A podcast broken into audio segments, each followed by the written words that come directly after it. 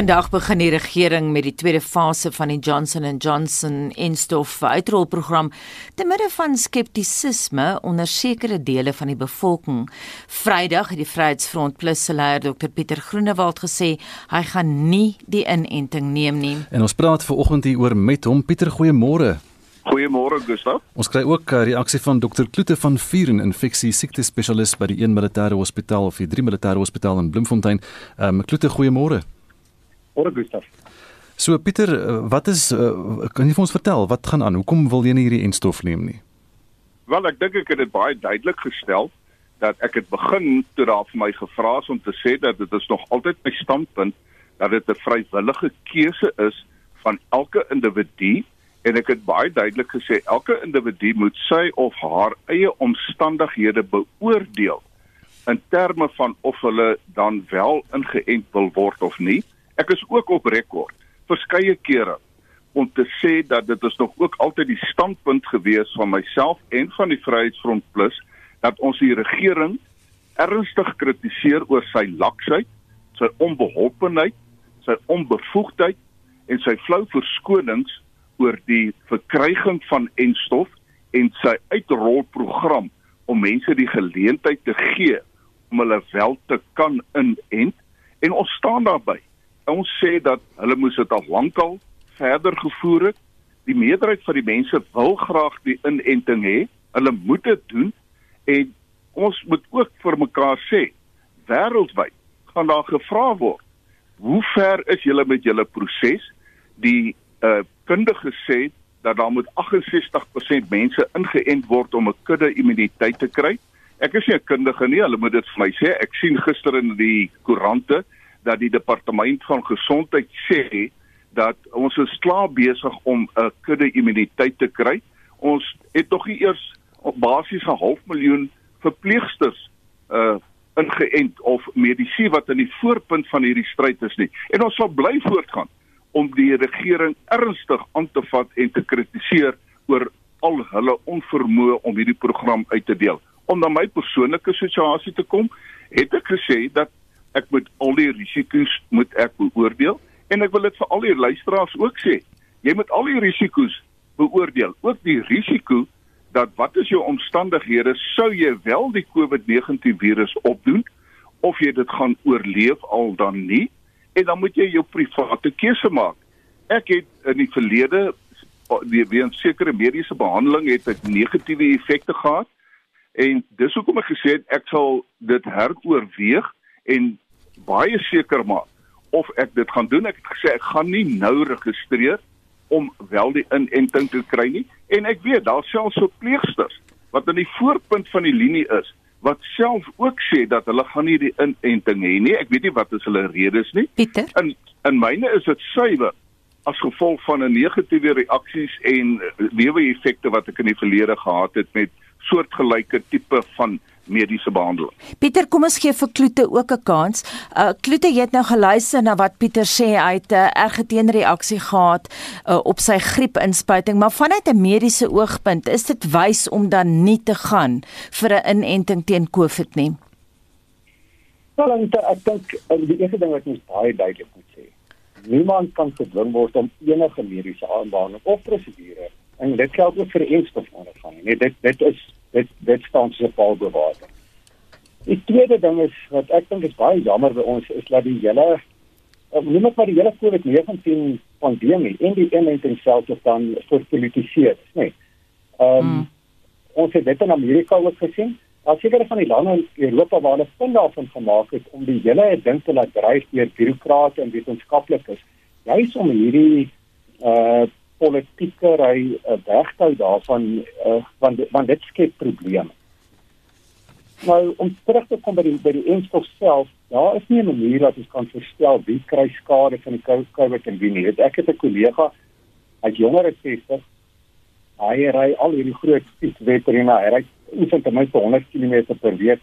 Ek dink ek onderskat dit 'n bietjie. En hy was dink vir 6 weke het ons hom op sielstof in die hospitaal gehad nadat hy COVID-19 gehad het opgedoen het. Ek vir dieselfde prys is daar nou 'n vriend van my se 93 jarige moeder wat sê sy toe daar op sy sit en hy sê gaan baie goed herstel ons dink sy gaan binne 'n dag of twee huis toe gaan. daar is nie 'n manier om te voorspel wie kry skade en wie nie. En uh as jy dan siek word in spite van die instof dan is jy ook minder aan minder aansteeklik en jy steek niemand anders aan. So die die voordele van die vaksin is? Nee. En dit is vir ons baie baie belangrik dat gemeenskapsleiers soos meneer Groenewald ehm um, weet ons weet dat as hy sê luister mense sorg dat julle ingeënt word dat mense sy voorbeeld sal volg en dit sal doen. En dit sal die wêreld die, die lewe vir die res van ons almal baie baie makliker maak as as hy se standpunt sal inneem. En ek ek ek aanvaar sy genuanceerde stelling en dat hy dink daaroor maar ek dink ons ons probleem is hierso dat ons hierdie dinge gebruik om die regering by te kom en ek dink nie hulle gee om op ons belangstelling in inenting of nie en of ons hulle ondersteun of nie uh en dit dit is waar die probleem inkom met hierdie verpolitisering van van so iets. Jy weet nou nou nou nou kry ons moeilikheid. Mm. Wat sê jy daarvan Pieter? Wel in die eerste plek wil ek baie duidelik stel ek het nie na vore getree om die hele aangeleentheid te verpolitiseer nie. Ek het nie gegaan in 'n media verklaring uitgereik om te sê neem kennis ek gaan my nie laat inent nie. Dit was direk ek was geskakel. Daar was direk vir my kommentaar gevra en dit was my kommentaar en ek staan daarby dat dit jou vrye keuse is. Ek hoor wat gesê word, dit is 'n genuanceerde rede wat ek aanvoer is niks genuanceerd nie. Mag ek nie my eie private mediese omstandighede hê nie. Ek weet van mense wat hulle dokters vir hulle regheid sê. Jy kan jou nie laat in en die weens uh onderliggende bepaalde siektes wat hulle het wat hulle dit nie kan doen nie. Ek is die persoon wat sê dis my taak as politikus om die regering aan te spreek want hy tree tot nadeel van Suid-Afrika op omdat hy nie betyds die enstof beskikbaar het nie. Ek het nêrens enige iemand aangemoedig om byvoorbeeld nie te gaan inent nie. En bloot om te sê dat omdat ek 'n politieke leier is, nou moet ek my maar laat inent. Dis onaanvaarbaar en ek meen moet ek dan nou vir die kiesers lieg en sê nee, hoor ek gaan my laat inent, maar dan doen ek dit nie. Nee, dit het tyd geword dat politici eerlik is met die kiesers van Suid-Afrika en ek sê dit baie duidelik. Dis 'n absolute vrye keuse en dit is 'n werklikheid. Dis die waarheid dat daar mense is wat nie die entstof kan neem nie. Ek is nie van hierdie radikales wat byvoorbeeld in ander lande uh, te velde trek om te sê jy moet jou nie gaan inent nie. Inteendeel, ek is op rekord. Ek het hoeveel keer gesê as jy jou wil laat inent, doen dit. Maar ek sou graag wil weet uh dalk moet die persoon vir ons sê ek het nou nie sy naam mooi gehoor nie. Uh is daar 'n situasie waar ons kudde immuniteit kan kry? Is die departement van gesondheid korrek om te sê ons is klaar besig om dit te kry? En dan is die vraag: kan ons werklik die regering vertrou op sy syfers? Want daar is soveel waninligting tans. Ek sien byvoorbeeld daar's 'n verslag wat sê ons op hierdie stadium so so raps oor 55000 mense wat gesterf het aan COVID en dat daar geen onduidelikheid is nie. Mense sterf. Ek het vriende wat gesterf het weens die COVID-19. Ek is tot volle bewus daarvan. En dan sal syfers wat sê nee, maar dis omtrent 10, wel, dis 155 mense wat al gesterf het. So daar's in die mediese wêreld is daar onsekerheid. En ek wil 'n beroep doen op die mediese wêreld. As 'n politikus kry die korrekte feite agter mekaar en sorg dat dit behoorlik gekommunikeer word tot die, die na die mense. Spreek die regering van die dag aan spesifiek in Suid-Afrika en sorg dat hulle die mense behoorlik inlig dat die mense kan weet waaroor dit gaan en dit beskou ek as hulle taak om dit te kan doen dan Peter, sê ek dan sal die mense hulle wel laat in en maar is uiters onbillik omdat ek net 'n politieke leier is ek wel bepaalde private mediese neeweffekte beleef het en nou te sê dan moet ek my maar gaan laat in en ongeag om net 'n voorbeeld te stel nie. Dis 'n absolute vrye keuse en ek moedig mense aan as jy wil gaan inent asseblief sorg dat jy ingeënt word. Ons gaan nou by uh, dokter Kloete van Vuren hoor wat sy reaksie daarop is. Pieter, ek dink waar dit vandaan kom is en, en baie van ons luisteraars gee vir ons reaksie hier op ons SMS lyn ook en sê maar daar era was 'n studie gewees wat gesê het Afrikaanse mense is taamlik skepties oor inentings oor die algemeen en dat hulle voel uh, daar's die woord onverantwoordelik gebruik om te sê maar mens moenie hardop sê as jy nie die inenting gaan kry nie. Wel dan moet die media my nie vra nie. RSG het my direk gevra geskakel en gesê gaan jy dit doen? Moet ek sê hoor ek gaan nie kommentaar lewer nie. Uh ek meen verstaan die opset. En ja. nou te sê dis die Afrikaans sprekende mense. Ja ek is 'n Afrikaans sprekende Afrikaner. Dit is waar. Maar ek dink dis onbillik om nou die indruk te wil wek dat ek op 'n veldtog is om mense te oorreed om nie in te ent ek sê dit weer. Ek het nie eers 'n verklaring uitgereik nie. Hmm. ek sê weer ek is gekontak deur 'n joernalis van RSG en gevra gaan jy dit doen en dan moet ek antwoord. Kom ons kyk na die praktiese aspekte toe. Ek dink ook dis onbillik om te sê dat uh, medisy die volk nie inlig nie. Ons gaan week op week, week, week na week gaan ons op monitor praat ons of met Kloete van Vuren of met Bertram Fielding of met Angelique Kutse. Ons praat al die tyd met die medisy om vir ons uh, luisteraars in te lig oor wat hulle moet doen, wat is die nuutste stand van sake. Maar Kloete, ek wil nou vir jou vra iets prakties nou. Pieter sê hy het nou 'n geweldige teenreaksie gehad toe hy griepinspuiting gehad het. As mens nou 'n teenreaksie het op 'n griepinspuiting, beteken dit noodwendig jy sal 'n teenreaksie hê op hierdie inenting of nie? Ja, dink die, die reaksie wat mens kry te enstowwe is maar jou immuunstelsel wat reageer daarop, net soos dit nou op die infeksie ook sou reageer. En dit is onmoontlik om te voorspel wie gaan slegs voel van die ding en wie nie. Ehm um, jy weet ek is verlede week ingeënt en ek het maar goed onder die weer gevoel vir ten minste 2 dae. Jy weet Anita dit teenoor die amper maand wat dit my vat het van COVID te herstel, tyd wat ek in die hospitaal was, het ek vat heel eerder 'n bietjie meer nie seker vir 'n paar dae as wat ek as wat ek weer COVID kry of COVID kry. Dit het dit nog nie gehad. Ek meen ek dink dit is die die belangrike punt. Jy weet dan veral mense met onderliggende siekte toestande. As jy onderliggende siekte toestande het, is die laaste ding wat jy wil hê is COVID-19. Jy vat 100 maal eerder die vaksin. Weer het daar gesien iets ongemak en party mense kry dit natuurlik glad, jy weet. Ehm um, en en beskerm jouself. Kloete baie dankie. Ons wil eintlik graag verder gesels oor hierdie kwessie, maar ons het ons die tyd stap aan. Ons moet aanbeweeg tot Kloete van Vieren is 'n infeksie siekte spesialist by Drie Militêre Hospitaal in Bloemfontein en uh, Pieter Groenewald dan Dr Pieter Groenewald is die leier van die Vryheidsfront plus 25 minute oor 7.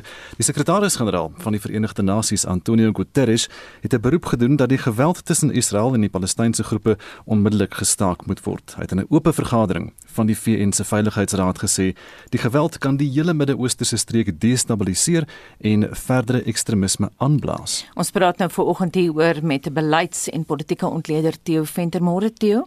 Goeiemôre. Nou die laaste keer dat ons uh, soveel konflik en geweld in die Midde-Ooste gesien het was in 2014, maar dit het natuurlik 'n baie lang aanloop tot hierdie nuutste gevegte. Vir luisteraars wat dalk nie die Midde-Ooste volg nie, wat is die agtergrond tot hierdie huidige konflik?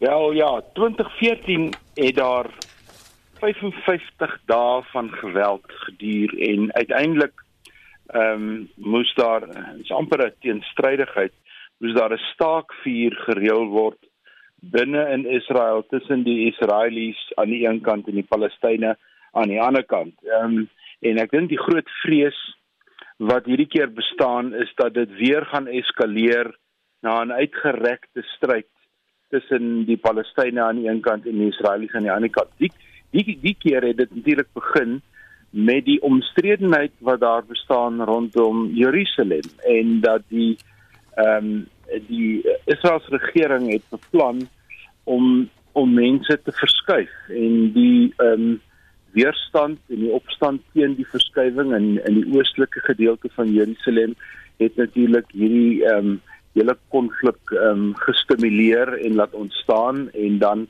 wat in die geval gebeur in Israel is die ehm um, Hamas wat ehm um, die die die aktiviste is in die in die Gaza strook in die Palestynse gebied begin met vuurpyle.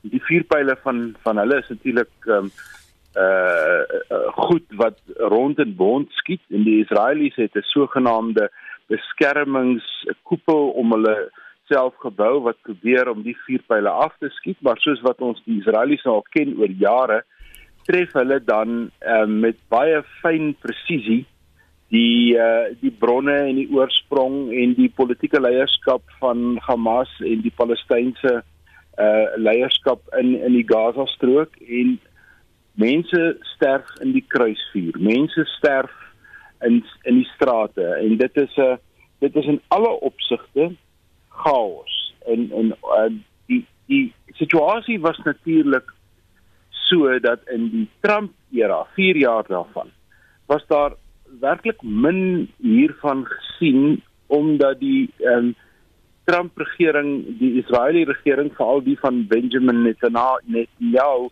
baie sterk ondersteun het en probeer het om met hulle soort metode 'n uh, 'n uh, 'n uh, soort van 'n vrede situasie in Israel te bewerkstellig wat ons geweet het nie gaan werk nie want jy kan nie mense omkoop om skielik 'n soort van 'n 'n situasie te aanvaar die um, Amerikaanse ambassade te verskuif na Jerusalem. Dit was alles goed wat eintlik die konflikpotensiaal laat styg het en nie laat afneem het nie. En nou met die Biden regering wat nog nie heeltemal hulle voete gevind het in terme van buitelandse beleid nie, gebeur hierdie proses nou vroeg in die in die Biden era. So die wêreld is bekommerd. Ek het gister ingeluister na hierdie oop ehm um, sessie van die van die Verenigde Nasies. Almal ja. het hulle sê gesê, almal is bekommerd, maar ehm um, en, en interessant genoeg die voorsitter van die veiligheidsraad op die stadium is China en die Amerikaners het al reeds aangedui dat hulle nie sommer net ehm um, gaan ehm um, uh, inval by wat uh, die Verenigde Nasies op die oomblik vir al die veiligheidsraad gaan sê nie. So ek kan nie sien dat daar 'n vinnige besluit geneem gaan word of dat die VN in hierdie ronde die vrede gaan bewerkstellig. Daar is 'n interessante aspek hierdie keer met hierdie konflik anders as in die verlede. Dis nie net die Palestynë in Gaza en die Wes-oewer wat betrokke is nie, van nou meestal Gaza in hierdie geval en hierdie missiele wat afgevuur word. Ek dink jy het gesê soos 3000 in 'n week soos hulle daai ja, daai ja. Iron Dome probeer toets en kyk hoe wat wat wat is die einde van van die Iron Dome se se vermoëns. Maar daar's 'n daar's 'n aspek met die met die met die Arabiese burgers van Israel self, Israeli Arabs soos wat hulle noem. Ja. Hulle is burgers in Israel, hulle stem daar en hulle is verteenwoordig in die Knesset. Daar's gesê dat hulle daar is in, in Israeliese dorpe self waar dan natuurlik die onluste uitgebreek het wat nie in die Wes-oewer of in Gaza is nie. En dis 'n ander dinamika. Heeltemal so. Dis heeltemal reg. En dan 'n uh, eh, nog 'n dimensie wat anders is as die vorige keer. Dit lyk op hierdie stadium asof die enigste land wat moontlike uitwerking kan hê op op die daarstel van 'n soort van 'n vrede moontlik Egipte is. Ehm um, Egipte werk baie hard agter die skerms. Maar om op jou punt te reageer, dit beteken dat daar is ook in Israel uh, of in die gebied wat as Israel bekend staan, ook 'n uh, besig om 'n weerstand te ontwikkel wat anders is as die vorige geleentheid, want by die vorige geleentheid 2014 het die Israelies in werklikheid Gaza ingeval. Ehm um, met uh, met militêre voertuie en 'n militêre teenwoordigheid en hulle self daar gehandhaaf. En ek dink dit is wat almal probeer verhoed op die stadium word daar net um, presisie bombardering gedoen met vliegtye. Baie dankie en so sê die politieke wetenskaplike Theo Venter en dit bring ons by byna 7:32. En daarmee gaan ons na ST. Wat sê ons luisteraars? 'n Luisteraar laat weet die hoërskool Rhino Park in Witbank se koor het elke jaar tydens ons wintertoer in die Kongo grot in die Kongo grotte gaan optree en dit was 'n daar's 'n wonderlike akoestiek so sê hierdie luisteraar en Wilbus en Ella Notnagel laat weet vir ons ek en my gesin was deel van die Passie Spele span in 1971 73 en 75 en wat 'n lewenslange belewenis. En Rina praat ook van die passiespele wat sy saam met haar kerk in die Kongo grotte gesien het wat vir haar 'n wonderlike ervaring was. Daleen Ferreira Netto laat weet vir ons ek was nou onlangs in die Sotwala grotte gewees wat 'n belewenis. En Antoinette Bester laat weet vir ons ek het die Echo grotte by Oorigstad as ook die Kongo Sotwala en die Sterkfontein grotte besoek. Ons wil vandag by jou weet, het jy al die Kango grotte of selfs enige van die ander baie noemenswaardige grotstelsels in ons land besoek en watter indruk het dit op jou gemaak? Stuur vir ons 'n SMS na 45889 teen R1.50 per SMS. Gesels saam op ons Facebookblad by facebook.com vorentoe skynstreep ZARSG of WhatsApp vir ons stemnota na 076 536 69 0765366961. 25 minute voor 8 by Monitor op RSG. En tyd vir wêreldnuus gebeure nou die Palestynse owerheid in Gaza. Hamas sê gister was die dodelikste dag in die streek sedert die begin van die konflik met Israel, dis nou so 'n week gelede. Minstens 40 mense, insluitend 16 vroue en 10 kinders, is tydens Sondag se lugaanvalle dood en Marlene Forsie hou die internasionale nuusgebeure vir ons dop. Môre Marlene. Goeiemôre Gustaf en vroeg vanoggend is 'n bykomende 80 lugaanvalle boonop deur Israel geloods kort na vuurpyl aanvalle deur Hamas. Nou die BBC korrespondent Rushdie Ubwaluf is in die streek met die jongste. It was another difficult night for most of the people in Gaza as the Israelis have attacked as many as 20 or 30 targets this night according to security sources about 80 airstrikes since midnight. The western part of the Gaza city was hit intense. Locals are saying that they are targeting streets, electricity supplies, and also many security compound for Hamas, including police stations and uh, military training facilities belong to the Hamas armed uh, wing. Uh, this night there was no, no casualties according to health uh, ministry, but the scale uh, of destructions caused by those attacks was really huge. Palestynse inwoners se vrae bly egter onbeantwoord en hulpkrete val op dowe ore. When I was carrying my small boy, he told me, Dad, I don't want to die. What more do you want from him? There is no safety in this city. Nou tydens Israel se premier Benjamin Netanyahu se onlangse kabinetsvergadering vir staatsveiligheid is 'n wapenstilstand nooit bespreek nie en die weermag by monde van kaptein Libby Weiss verdedig die lugaanvalle. Well, civilians, of course, aren't our target. Uh, they never are. But you do kill them. And any loss of life on both sides uh, of this conflict, any loss of civilian life is tragic. Uh, again, but it does happen an awful lot in Gaza. And I, I hear that. And again, any any loss of civilian life is is tragic. Uh, it happens here as well.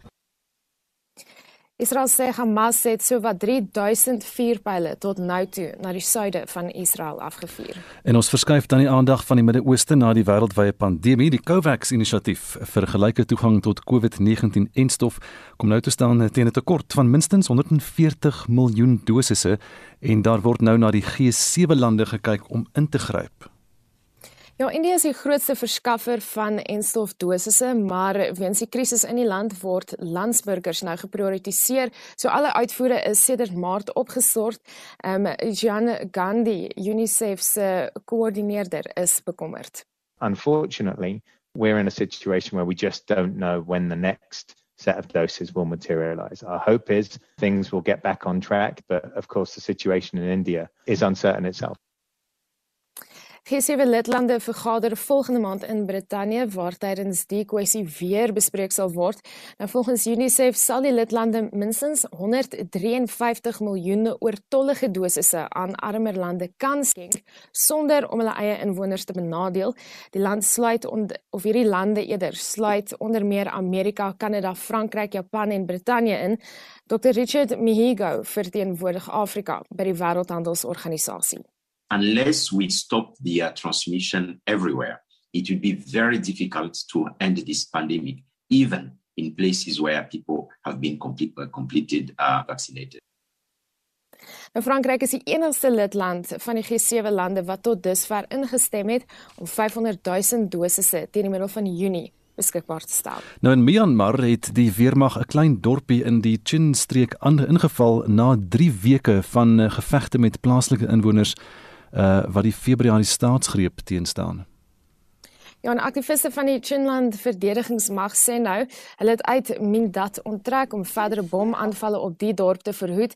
Nou dis een van vele dorpe waar die oppositie hulle self teen die weermag verset met tuisgemaakte jagwapens. En Mindat het gevegte by die weermag so wat 3 weke geduur. Tientalle weermaglede is na bewering dood terwyl daar volgens die oppositie slegs 6 van hulle eie lede gesneuwel het. Marlene Forsie met vanoggend se internasionale nuusgebeure. Nou van die wêreld se voorste rugby spelers was die naweek in aksie en ons wil ook kyk wat gebeur verder hierdie week en ons praat nou daaroor met Pieter van der Berg. Goeiemôre Pieter. Môre sê Anita. Kom ons begin by die rugby. Daar was nou baie aksie die naweek hier in Suid-Afrika, maar ook in die buiteland. Geef vir ons net blitsvinnig daai belangrikste uitslae asseblief. Ja, in die Trans-Tasmaniese rugby reeks het die Nieu-Seelandse spanne oorheers en al vyf wedstryde teen die Aussies gewen. Uitstaande rugby was opgedis geweest. Byvoorbeeld in die wedstryd tussen die Waratahs en die Hurricanes 112 punte opgestapel en die Hurricanes sewe daar met 64-48. Dan Saterdag het die uh, Crusaders die Brumbies met net 2 punte getop, 31-29. Die Blues was baas oor die Rebels 50-3 en die Chiefs hulle het 'n 1 punt oorwinning oor die Western Force Ball 2019. Dan hier in die Reënboogbeker in Suid-Afrika is twee wedstryde afgehandel. Die Bulls het 'n maklike oorwinning oor die Sharks behaal, die eindtelling 43-9. Die Bulls druk dan ook 4-3 daar. En dan in Johannesburg het die Stormers in die doodslinke geslaag met 'n strafdoel en dan klop dan die Lions met 39-37. Nou verlede naweek was 'n uitstaande naweek vir ons golfspelers. Kan ons weer dieselfde sê van die naweek se golfgebeure? Nie so goed soos verlede naweek nie Anita maar steeds spog twee Suid-Afrikaners met oorwinnings in vier toernooie wat afgehandel is. In die seniors toer is die Nelson Mandela by Classic op Humoot in uh, Port Elizabeth deur Chris Williams gewen. Dan uh, op die Europese toer is die Britse meesters Saterdag voltooi Richard Bland. Hy was die wenner op uh, na 'n volworld stryd teen Guido Megalosi. Beide was op 1300 syfer. Dien Bouwmeester het goed geëindig 6de op 1100. Dan op die Amerikaanse toer is die Byron Nelson Classic in McKinney in Texas laas nag afgehandel. Kay H Lee, hy het sewe met 3 houe op 2500 syfer en Sam Burns was tweede op 2200. Vier spelers was saam derde, dit het Suid-Afrika se Charles Swartsel ingesluit. Hulle was op 2100. Dan die SA Ope vir vroue is in die Kaap by die Westlake Golf Club gespeel. 27 lande se spelers was in aksie en Suid-Afrika se Lee Ann Pace, sy sewe hier op 290 houe.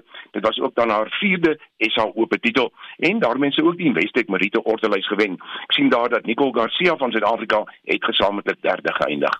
Nou die Italiaanse meesters tennis toernooi het gister geëindig in die uitslaa daar Pieter. Ja, is beslis 'n droom gewees toe nog nou wat Djokovic en Rafa Nadal in die eindstryd mekaar weer getakel het. Nou uh, Nadal uit uh, sy voorbereiding vir die Franse Ope uh, op die wenpaadjie gehou het in drie stellige C4. Hy wen daar met 7-5, 1-6 en 6-3 en dit was ook Nadal se 10de Italiaanse meesterstitel. In die vroue enkelspel was dit een rigting verkeerd geweest. Polis se Iga Swiatek, het met 6 stroop en 6 stroop uh, klaar gespeel met Karolina Pliskova. Kom ons gaan 'n bietjie na MotoGP toe. Wat is die nuutste daar? Ja, dit is 'n Marc Marquez wat uh, wel is waar die beste gevaar het in die derde oefensessie, maar hy kon net uh, 17de eindig in gister se wedren en uh, dit is natuurlik die Franse MotoGP. Die wenner was Jack Miller op 'n Ducati met Johan Zarco uh, daar in die tweede plek. Suid-Afrika se Brad Binder, hy was 13de en dan in Moto3 Anita was dit Sergio Garcia wat gesien het met Suid-Afrika se Darren Binder in die 20ste plek. En dan die sportvelde was die wêreld uh, vol baie besig die naweek gee vir ons 'n blitsoorsig. Ja, dit is die sokker waarna jy verwys en kom ons loop vanaand na gister se Engelse Premier League gaan vier wedstryde. Tottenham Hotspur klop vir Wolverhampton Wanderers met 2-0 Crystal Palace reken af met Aston Villa 3-2 Sheffield United is baas oor Everton met 1-0 en dan is dit Liverpool wat afreken met West Brom Bromwich Albion 2-1 Saterdag in die FA beker nuwe kampioene gekroon Leicester City. Hulle klop vir Chelsea daar met 1-0 en dan môre is daar drie wedstryde in die Premier League hier in Suid-Afrika. Dit sluit onder meer Chippa United teen Bloem teen Bloem Celtic in. En en dan vanmiddag in Spectrum Anita sal Shaun Jooste terugwees met meer sportnuus. En baie dankie so sê ons sportmedewerker Pieter van der Berg. 16 minute voor dit ons kom by die 8 uur nuus vanoggend in die Oudtshoorn munisipaliteit maak planne om die toerisme besienswaardigheid, die Kango grotte in die Klein Karoo te red as 'n toerismebestemming. En dit nadat die pandemie uh, na die groot groot finansiële verliese gelei het as gevolg van die COVID-19 pandemie. Die munisipaliteit ontwikkel 'n ekonomiese herstelplan om die toeriste aantreklikheid te red. Die Kango grotte word internasionaal en plaaslik as 'n toerismebestemming beskou. Saam met die hele toerismebedryf het die Kango grotte ook groot verliese gelei in die COVID-19 pandemie. 'n Nasionale toerismeafvaardiging het die naweek onder die leierskap van die adjunkminister van toerisme, Fish Mahlatlela, die Kango grotte en ander besienswaardighede in die gebied besoek. Die veldtog beoog om plaaslike toerisme 'n hupstoot te gee. Die Oudtshoorn munisipaliteit bestuur die Kango grotte. Die burgemeester, Chris McPherson, is op 'n sending om meer plaaslike besoekers te lok. To ensure that we get that market, we have to lower our tariffs So to make provision for that, we're also going to look towards school groups and getting those school groups here. And at the same time, to do that, you'll have to adapt to that as well. And at the same time, coming up, and I know our tourism sector has discussed it with all our various role players, our product owners, and they have decided that they're going to assist us in this regard and coming up with package deals. Besoeksyfers het van sowat 250 000 tot sowat 7300 in 'n jaar gedaal. Ten spyte hiervan bly besoekers beïndruk. Like it was more like like you went back in past and like just saw everything like how the people used to do stuff in the caves and stuff. Um, I like it. It's a bit fun, but I'm a bit sad that they closed the adventure tour. It was very nice, and I like how the caves all lit up with lights. We were actually discussing that we should spend more time touring around South Africa instead of thinking about traveling abroad because there's just so much to see in our own country, and we're taking advantage of all the specials. Die operasionele hoof van die grotte, Alison Moos, sê dit kan nie toegelaat word dat die Kango grotte gesluit word nie. It is part of the history of South Africa and it's an icon in the Southern Cape and the Western Cape province. And it is so imperative to keep the show cave up and running. There's a lot of history behind it because the town of Oudtshoorn and the region is very dependent on the tourism e- economy. So our role here, our core function, is to keep it up and running, but our core function is mainly to preserve the caves. And we've been doing so since the cave opened for business in the late 1900s. Sy het gepleit dat Suid-Afrikaners hulle land ontdek en plaaslike besienswaardighede ondersteun. Die Oudtshoorn munisipaliteit gaan met 'n groot bemarkingsveldtog begin om die Kango grotte plaaslik, nasionaal en internasionaal te bemark. Sagri Chetty het hierdie verslag saamgestel. Mitsi van der Merwe, SAK nuus. Die tyd is ryp vir die regering om kortings op eiendomsbelasting en diensgelde aan te bied. Dit kan ingevolge wetgewing op rampbestuur gedoen word.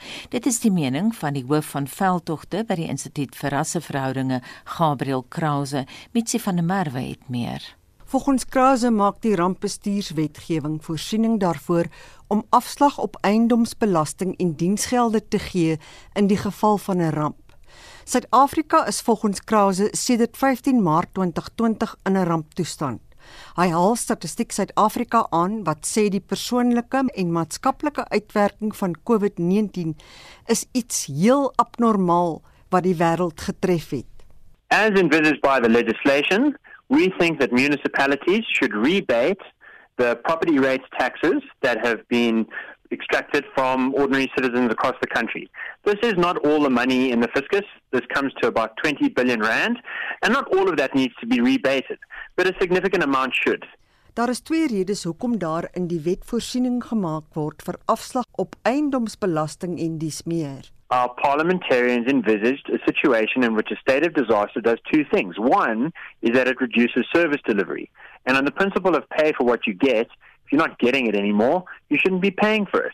And secondly, if a state of disaster creates huge economic dislocation that'll have negative effects on jobs, that'll send businesses into bankruptcy, that'll make households unable to consume, and if you rebate some of those property taxes, that can give an injection back into the economy right at the grassroots level where you get the greatest multiplier effect that can help South Africa to grow again. Die gevolge van 'n ramp soos COVID-19 is in gedagte gehou toe die wet aanvanklik geskryf is. The legislation envisaged a situation just like the one that we're in today, and we think it's time to pull the trigger a year and seven or eight weeks into the national state of disaster to put a little bit of money back into the hands of ordinary citizens. Wat die argument nog sterker maak volgens Krause is dat die tesourier in sy Februarie 2020 begrotingshersiening verslag gedoen het dat meer as 80% van munisipaliteite nie in die vorige finansiële jaar hulle operasionele begrotings en begrotings vir spesiale doelwitte spandeer het nie. So half the money is going unspent. And if it's not rebated back to property owners, it's just going to get absorbed, rolled over back into Pretoria, from which it can be reallocated who knows where. It would be much better to put that money directly back into the hands of ordinary citizens who can use it to keep their households going, businesses to avoid bankruptcy, and it would save municipalities the problem of chasing after bad debts that aren't going to be repaid in any event. Maar hoe gemaak om die boodskap by die regering uit te kry? We have written to Nkosazana Dlamini Zuma, who is the head of corporate governance, the sort of national person to send a message to all her municipal loyalists to say, look, we give this idea a blessing, but really what we want is ordinary citizens to participate. Gabriel Krause is die hoof van veldtogte by die Instituut vir Rasseverhoudinge. Mitsi van der Merwe, SAK nuus. 9 voor 8 en meer as 7500 kinders neem deel aan Play Africa se I am a scientist opvoedkundige program wat 'n wetenskapsuitstalling insluit. Die opvoedkundige program van die Amerikaanse maatskappy 3M of 3M, 'n vennootskap met die Play Africa organisasie sonder winsbejag, sal dan na verwagting later van dese maand in Soweto bekend gestel word. Die program beoog om jong wetenskaplikes aan te moedig. My naam is Mogo Fourie en ek is 'n rekenaarwetenskaplike van die Universiteit van Johannesburg. Dit is belangrik vir Suid-Afrikaanse kinders om wetenskaplikes te sien met wie hulle kan assosieer, want die veld van sagteware, tegnologie en wetenskap is vol mense met diverse agtergronde, belangstellings en kulture. Daar is 'n groot behoefte aan kreatiewe denke en dit is werklik 'n dinamiese loopbaan.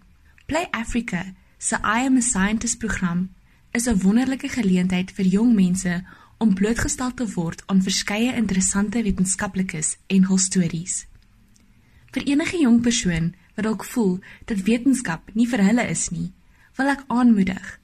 Wetenskap en tegnologie is vol geleenthede en avonture. Deur jou bes te doen met dit wat reg voor jou is, een tree op 'n slag, kan jy jou potensiaal ontwikkel en die uiters opwindende wêreld van wetenskap ontdek. Die 3M onderneming beoog om ekonomiese gelykheid te bevorder deur teen die einde van 2025 5 miljoen unieke ervarings te skep in die velde van wetenskap, tegnologie, ingenieurswese en wiskunde. Dit is nou die sogenaamde STEM studierigtinge.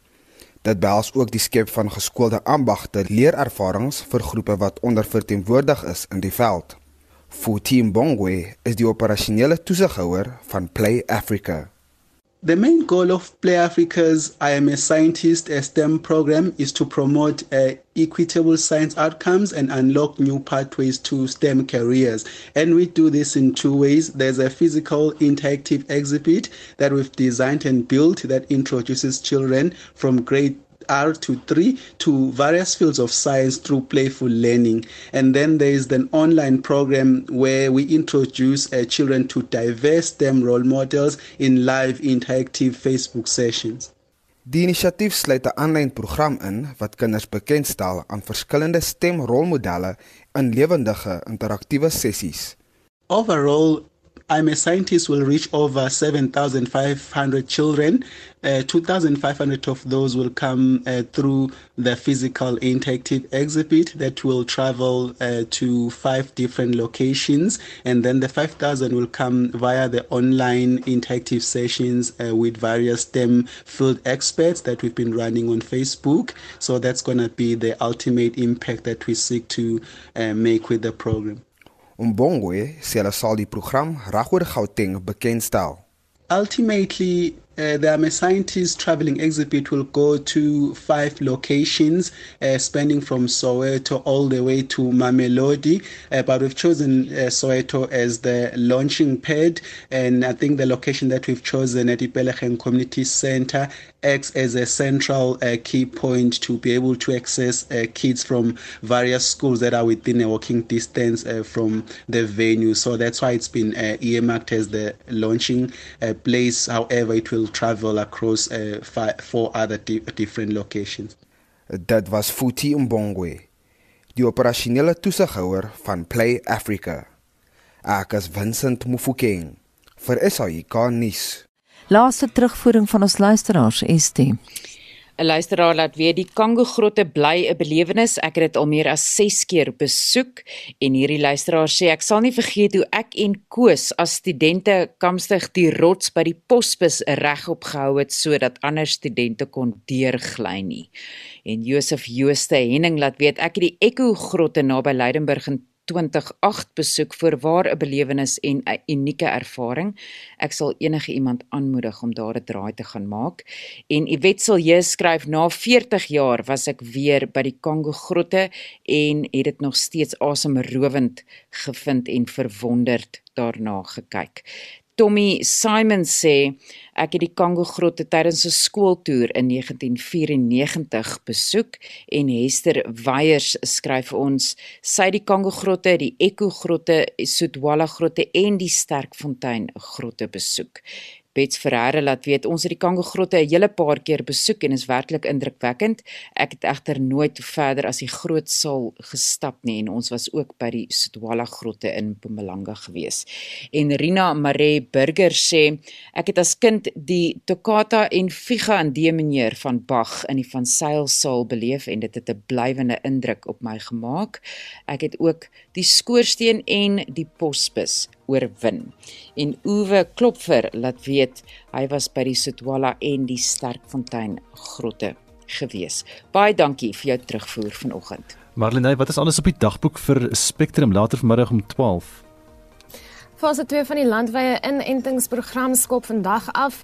Oud-president Jacob Zuma en die Franse wapenmaatskappy Thales moet vandag in die Hooggeregshof in Pietermaritzburg verskyn, maar dit gaan moontlik uitgestel word daardie verhoor en die DA maak binnekort planne bekend om 'n einde te bring aan voortsleepende kragonderbrekings.